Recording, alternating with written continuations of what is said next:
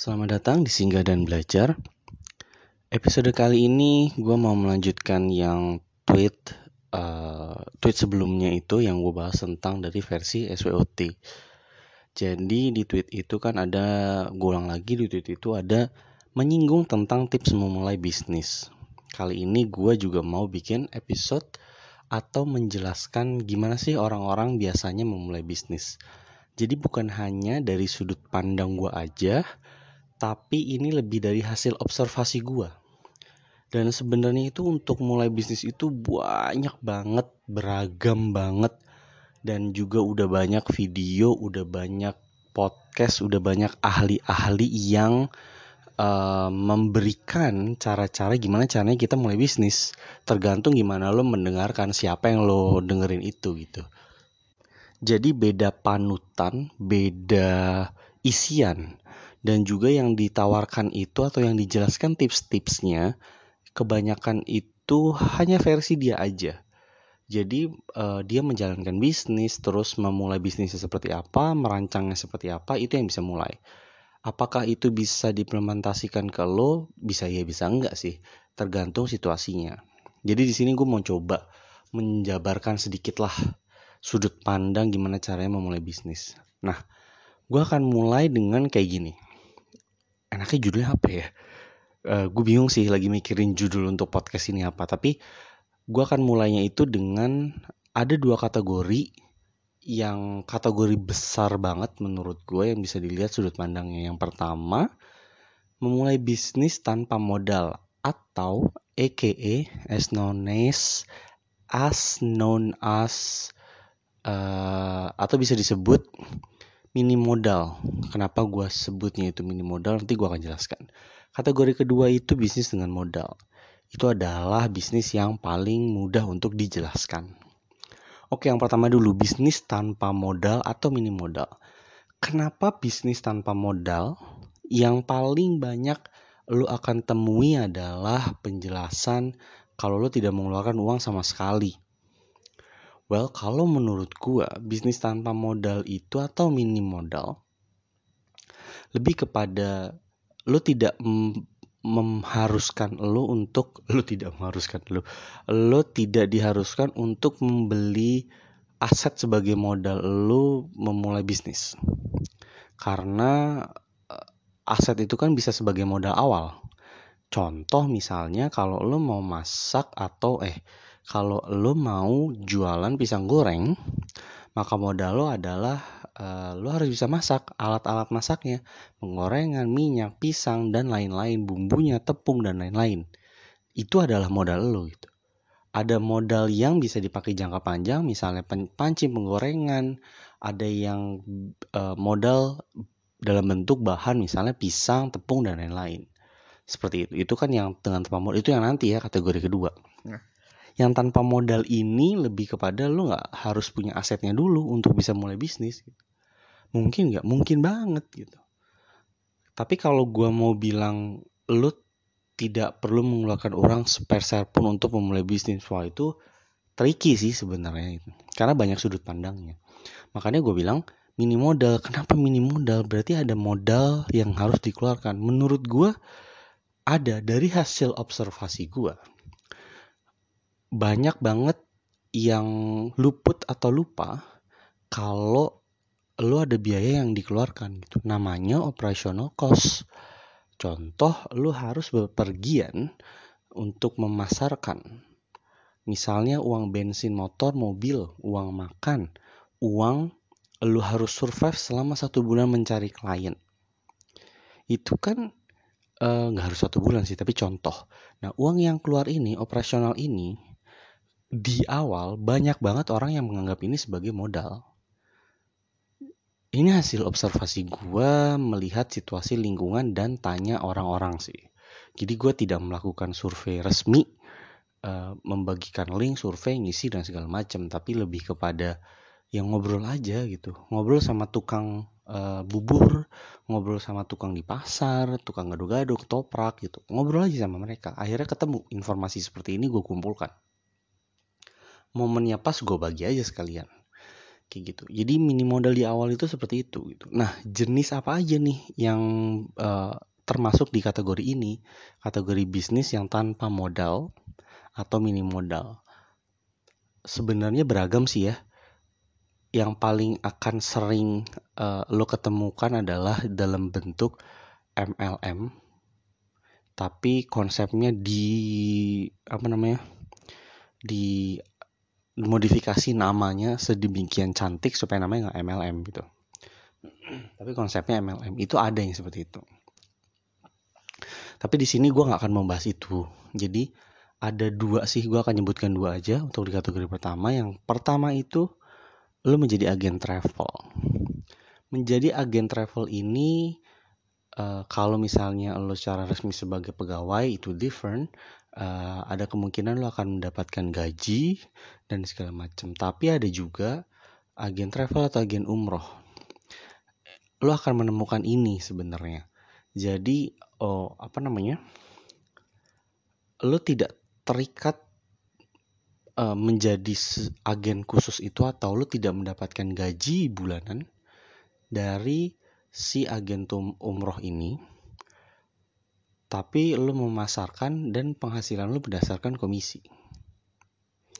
Jadi lu tinggal mencari uh, pembeli yang mau membeli uh, produk travel atau umrohnya.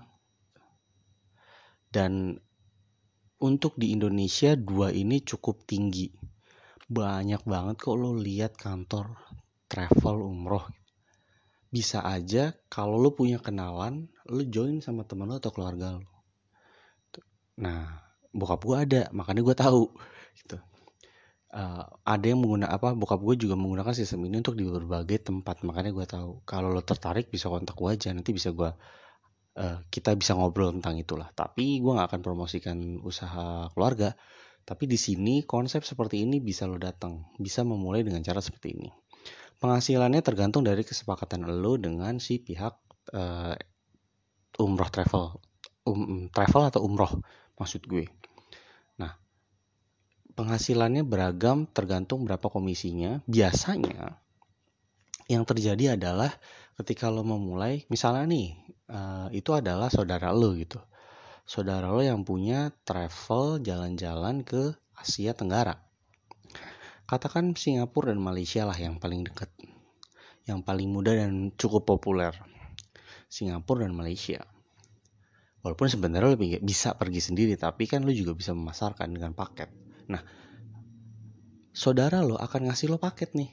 Paket A, B, C dengan harga sekian. Pokoknya harga dari si saudara lo adalah misal uh, eh, 5 juta perjalanan 5 hari eh 6 hari 6 hari 7 malam Singapura dan Malaysia 5 juta itu dari saudara lo lo mau jual berapapun terserah bisa sistemnya seperti itu. Jadi lu mendapatkan dari harga yang lu jualkan itu yang pertama. Yang kedua uh, lu nggak boleh menaikkan harganya. Misalnya harganya fix 5 juta setiap orang yang akan lo dapatkan lo akan mendapatkan komisi 200 ribu. Jadi fix price fix uh, commission. Komisinya pasti harganya sudah pasti. Lo nggak boleh mengubah-ubah itu tergantung gimana dealnya, gimana prosesnya. Yang enak di sini adalah uh, yang bukan enak sih, yang suka lupa pertama adalah dan juga menjadi benefit sebenarnya.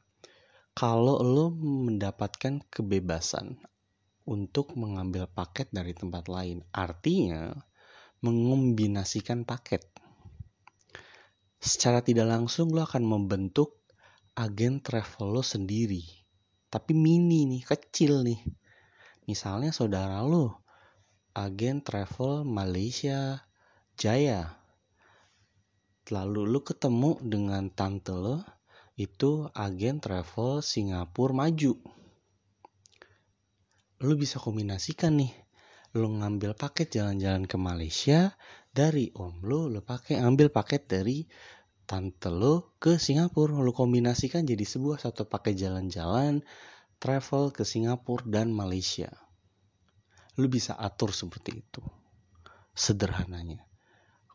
kembangkan lagi nih coba misalnya lu kembangkan lagi lu hanya ngambil paket hotel dan akomodasi aja di Malaysia tiketnya misalnya ada temen lo yang kerja di agen khusus pertiketan dia bisa menyediakan tiket jauh lebih murah dari yang ditawarkan oleh om lo eh saudara lo lo bisa lo kombinasikan. Akomodasi semua di Malaysia lo ngambil dari saudara lo tiket pulang perginya lu bisa ambil dari uh, tadi siapa? Om lo dari om lo lu bisa mengombinasikan itu. Secara tidak langsung kalau lu bermain seperti ini akan membuka kesempatan lu menjadi agent travel ini adalah benefit yang akan didapat kalau perjanjiannya adalah lu boleh mengambil paket di luar. Diberikan kebebasan. Kayak gitu. Oke? Itu yang pertama. Yang kedua jenis untuk yang mini modal atau tanpa modal ini adalah eh apa namanya ya? Apa jenengi oh dropshipper. Gue nggak tahu bahasa Indonesia nya apa dropshipper tapi ini lagi cukup naik daun sebenarnya sih gue aja sih yang baru tahu beberapa bulan belakangan ini sih ya. Sebenarnya gue udah tahu dari agak lama cuma kayaknya semenjak pandemi ini uh, hype banget gitu loh bisnis dropshipper gitu. Itu lagi hype banget. Sebenarnya sih bisnis dropshipper sudah dilakukan cukup lama tapi ini kayak hype banget gitu. Jadi di YouTube juga mulai makin banyak cara lo jadi dropshipper di marketplace di Tokopedia di Shopee caranya kayak gimana itu ada semua untuk teknis caranya seperti apa lo bisa lakukan itu di sini intinya dropshipper adalah lo tidak perlu beli barangnya lo stok di rumah baru lo jual. Cukup lo cari kenalan yang punya menjual barang yang tersebut dengan harga yang bisa kalau bisa sih cari yang harganya itu di kategori murah dibanding yang lain. Bukan yang termurah, sulit untuk mencari yang termurah, tapi kategorinya itu kategori murah, artinya lo bisa menaikkan harganya di sini keenakannya adalah lu bisa lu dropship dari banyak tempat gitu. Lu bisa masukkan uh, barangnya di terserah lu mau iklanin di mana, lu bisa gabungin dari mana-mana aja gitu. Contoh gampangnya, gua ngambil pempek dari uh, teman gua A. Gua ngambil kentang Mustafa dari uh, si B. Lalu gua ngambil peralatan elektronik dari si C. Gue masukin aja iklannya di satu tempat. Kalau ada pesanan misalnya pesanan pempek ya gue nanti akan kontak si si A. Oh ada pesanan pempek. Kalau misalnya ada yang elektronik gue akan kontak si C. Ambil barangnya lalu gue kirim. Atau langsung gue kirim aja. Misalnya nih lo print out lo kirim ke orangnya ke si A si B atau si C lalu mereka tinggal ngeprint salah satu pokoknya banyak banget eh, teknisnya itu lo bisa lo bisa carilah tapi kurang lebih seperti itu yang cukup harus diperhatikan di sini adalah siapa yang akan lo targetkan. Customernya nih, pembelinya nih. Pembeli kan ada dua ya. Pembeli as a cost, cost uh, tuh gue lagi nyari bahasa Inggrisnya. Consumer, konsumen, pembeli sebagai konsumen akhir atau end user atau pembeli yang dia itu menjual lagi reseller atau uh, di sisi lu lu menjadi distributor itu. Nah ini tergantung nih lu bisa pasang harganya berapa. Kalau lu mau mengincar uh, lebih banyak end user atau kons konsumen konsumen akhir maka harganya bisa lo naikkan dengan cukup tinggi. Contoh pempeknya harganya 55.000 gua akan naikkan menjadi 65 atau 75 ribu. Karena harga normal pempek yang enak di angka segitu. Akan ada konsumen yang beli.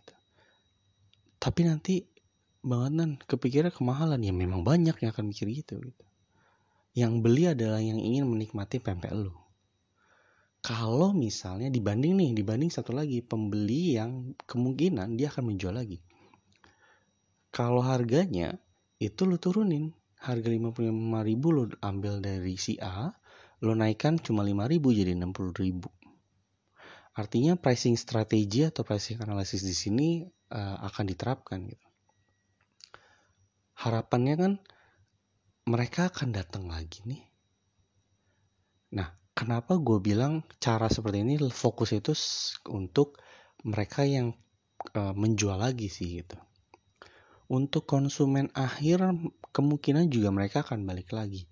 Tapi permasalahannya adalah pesaingnya di luar sana banyak gitu. Bisa aja mereka uh, beli sekarang tapi baru beli lagi tiga minggu lagi gitu. Ya karena untuk dikonsumsi pribadi kan, nggak mungkin uh, seminggu sekali. Eh, maksudnya mungkin aja, cuma agak sulit gitu. Kalau misalnya dia tiga hari sekali beli tiga hari sekali beli. Tapi kalau akhirnya dia jual lagi misalnya nih uh, yang pempek tadi gue taruh harga 60 ribu. Lalu ada orang si Budi namanya. Budi ngeliat oh 60 ribu nih pempek di kantor kebanyakan yang apa namanya informasi dari teman-teman 75 ribu mereka jual. Yang rata-rata orang kantor beli nih. Wah bisa nih gue beli dari dia aja. Gue naikin 65 ribu. Nanti kalau ada yang mesen gue tinggal ngambil dari sini. Beres. Dropship jatuhnya. Dia akan datang sesuai dengan pesanan. Artinya si Budi akan mencari customer yang lain akan mencari konsumen-konsumen yang lain yang mau mengkonsumsi itu melalui Budi pembeli konsumen akhir lu banyak tapi di sini marginnya tipis. Eh, iya, lu menaik uh, margin yang lu dapat atau keuntungan lu tipis cuma 5000 dibanding dari 55 lu naikin jadi 75, 20 ribu. Makanya di sini uh, ada kok kalau lu cari pelajarannya atau uh, online course kayak kuliah online atau belajar online gitu dari Coursera dan lain-lain ada namanya pricing analysis dan ini digunakan gitu. Jadi dua ini adalah bisnis yang bisa lo terapkan di uh, kategori pertama yaitu tanpa modal atau mini modal. Dua aja deh nggak usah banyak banyak dua ini aja lo bisa menggali dengan banyak kok gitu nah kategori kedua nih bisnis dengan modal. Ini sebenarnya gampang bisnis dengan modal. Asal ada modal bisa bisnis gitu. Bisa mulai bisnis. Survive-nya itu belakangan gitu. Bisa mulai bisnis asal modalnya cukup gitu. Gue mau bilang masa sampai di situ aja sih kan enggak ya? Kan hasil observasi ya. Di sini gue mau bilang adalah satu fenomena yang cukup kejadian banget nih di komplek atau di area lah. Katakan di area kurang lebih uh, 2 km lah radius 2 km dari rumah gua ke lingkungan sekitar yaitu franchise. Itu adalah memulai bisnis yang paling mudah dan sekarang franchise-nya pun banyak yang murah. Yang perlu diperhatikan adalah apa yang akan lo dapat dari franchise itu. Kalau cuma dapat uh, apa namanya bootnya bahan baku dan peralatan kalau lo tanya orang pedagang yang lain mereka bilang sayang segitu mahal. Lu bisa bangun uh, modal lebih murah dari itu kalau untuk membangun bisnis yang sama. Nah biasanya franchise itu keuntungannya adalah dia akan memberikan lo training cara membuatnya. Ada franchise yang memberikan lo uh, training untuk marketingnya. Bukan cuma training untuk ngebuatnya, tapi training marketingnya. Lalu yang yang lain juga adalah beli bahan bakunya langsung dari si e, pusat. Nah ini yang keenakan ya gitu, karena biasanya yang pusat itu juga menawarkan harga harganya sedikit lebih mahal, tapi nggak masalah gitu ini franchise ini gue nggak bilang ini bagus banget enggak tapi ini adalah satu konsep atau satu bisnis model yang lagi hype banget nih di radius 2 km gue ini gitu. Makanya banyak banget orang yang memilih franchise karena mudah.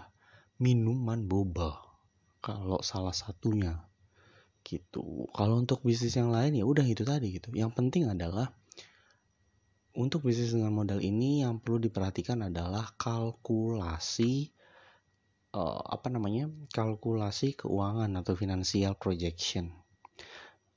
financial projection uh, perhitungan pengeluarannya modalnya. Berapa sih totalnya dan semuanya? Karena di situ lo harus mencari bahan yang termurah lo harus mencari uh, tukang yang termurah untuk membuatnya. Itu kan yang wajib tuh. Terus lo harus mencari untuk ngeprint banner yang murah dan semuanya untuk ngepres biaya modal lo supaya nggak tergerus nggak meninggi modalnya itu yang diperlukan udah nih biasanya juga yang perlu modal ini adalah satu mereka bermain di dua area, online dan offline. Online dan offline ya, gue bilang.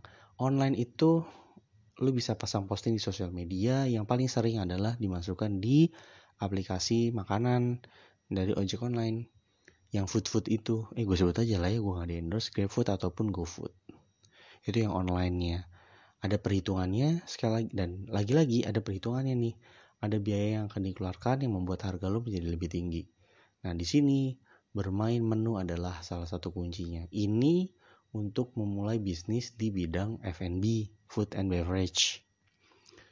Yang paling sering aja ya, untuk memulai bisnis yang lain dengan modal juga bisa. Lo bisa memulai dengan online juga, lo bisa pasang di marketplace. Kalau misalnya misal uh, kalau misalnya misalnya kalau misalnya lo jual beli laptop bekas, lalu lo menjual peralatan elektronik, yang lo nyetok di rumah gitu lo bisa melakukan itu. Atau yang lainnya. Yang pertama adalah online offline. Offline-nya offline-nya adalah lo memerlukan gudang. Tempat lo menyimpan barang-barang lo lalu offline-nya juga kalau modal lo cukup kalau yang franchise artinya lo harus menempati di sebuah tempat lokasi kalau uh, bukan F&B, food and beverage, misalnya lu jual uh, bermodalkan apa ya? ikan hias, lo harus nyari tempatnya ruko atau lo menjadikan rumah lo sebagai tempat jualnya, itu juga bisa. Lokasi juga bermain. Lokasi yang lokasi yang strategis itu juga menjadi kunci kalau lo mau menjualan yang tipenya offline atau orang harus beli langsung. Karena kan uh, apakah dengan modal bisa full online? Bisa aja. Dengan modal pun lo bisa fully online kalau lo mau. Bisa banyak kok sekarang yang menjual makanan atau cake di rumah aja tapi dipasangnya di online. Probability gimana? Tergantung gimana lo marketingnya lo memarketkannya pun ada Facebook Ads ada Instagram Ads iklan-iklan di sana yang berbayar tapi bisa menaikkan engagement. Nggak cuma itu juga lu bisa mempromosikan lewat selebgram dan lain-lain atau tiktokers tiktokgram eh artis tiktok juga lu bisa gitu. Itu adalah versi online yang lu tinggal di rumah ada pesanan lu buat lu kirim kalau misalnya lu yang menggunakan franchise sebagai tadi contoh lokasi. Nah gue mau bahas nih lokasi nih. Untuk yang lokasi ini yang orang tahu lah ya lokasi itu yang rame itu katakanlah ambil satu jalan lu satu jalan nih sepanjang eh, satu lima ratus eh seratus meter dua ratus meter ya.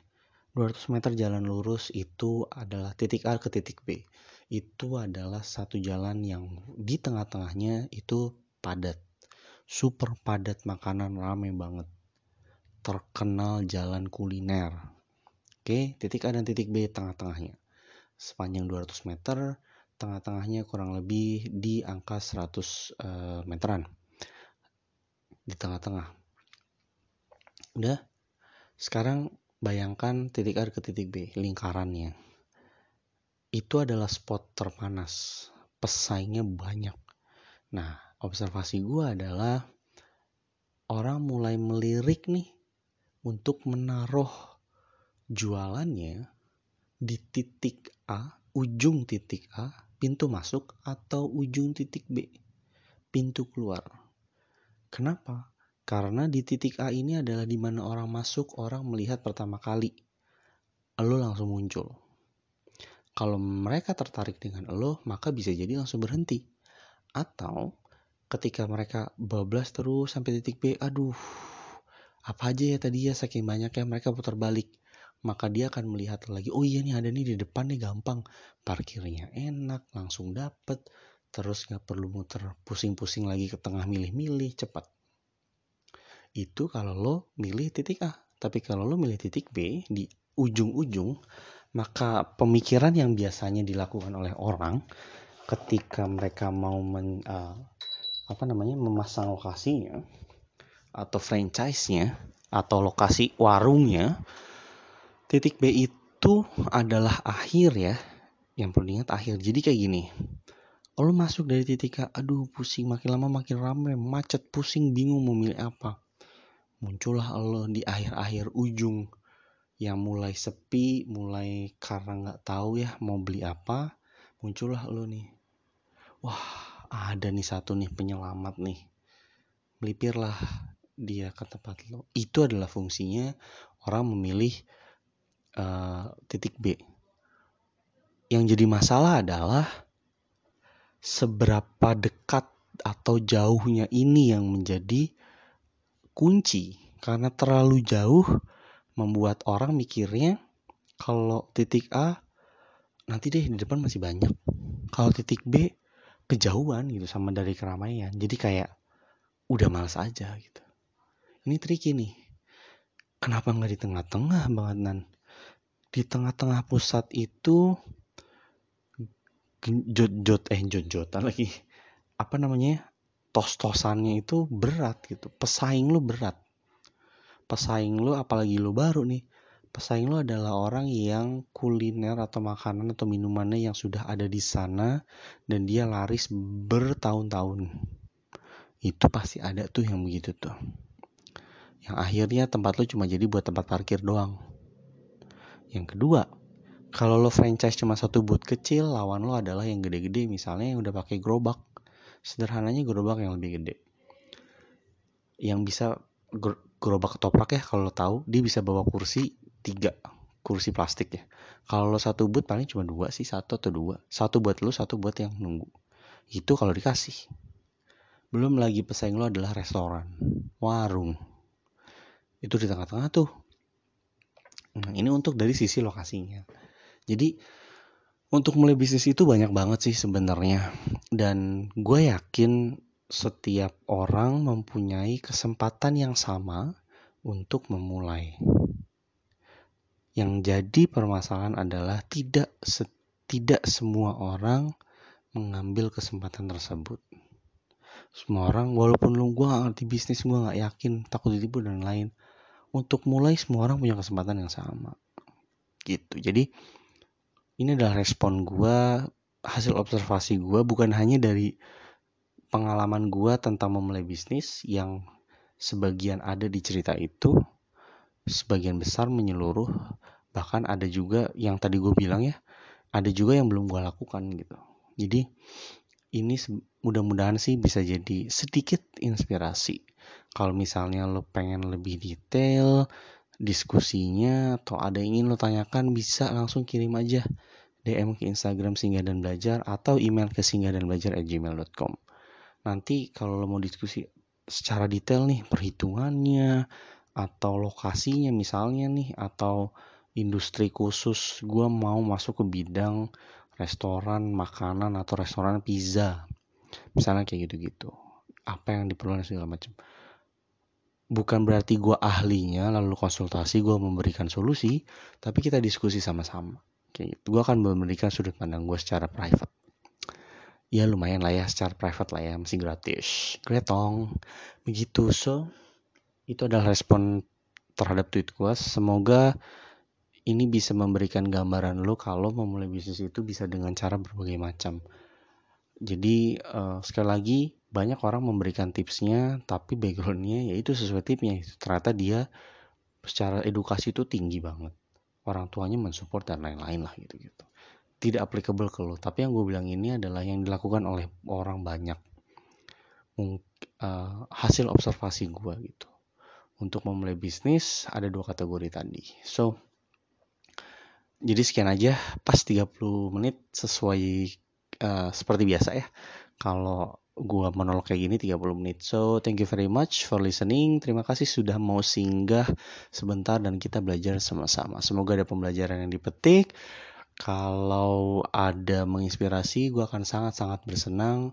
Kalau ada komentar, feedback, ataupun apa, kirim aja ke Instagram Singgah dan Belajar ataupun email singgah dan belajar at gmail.com.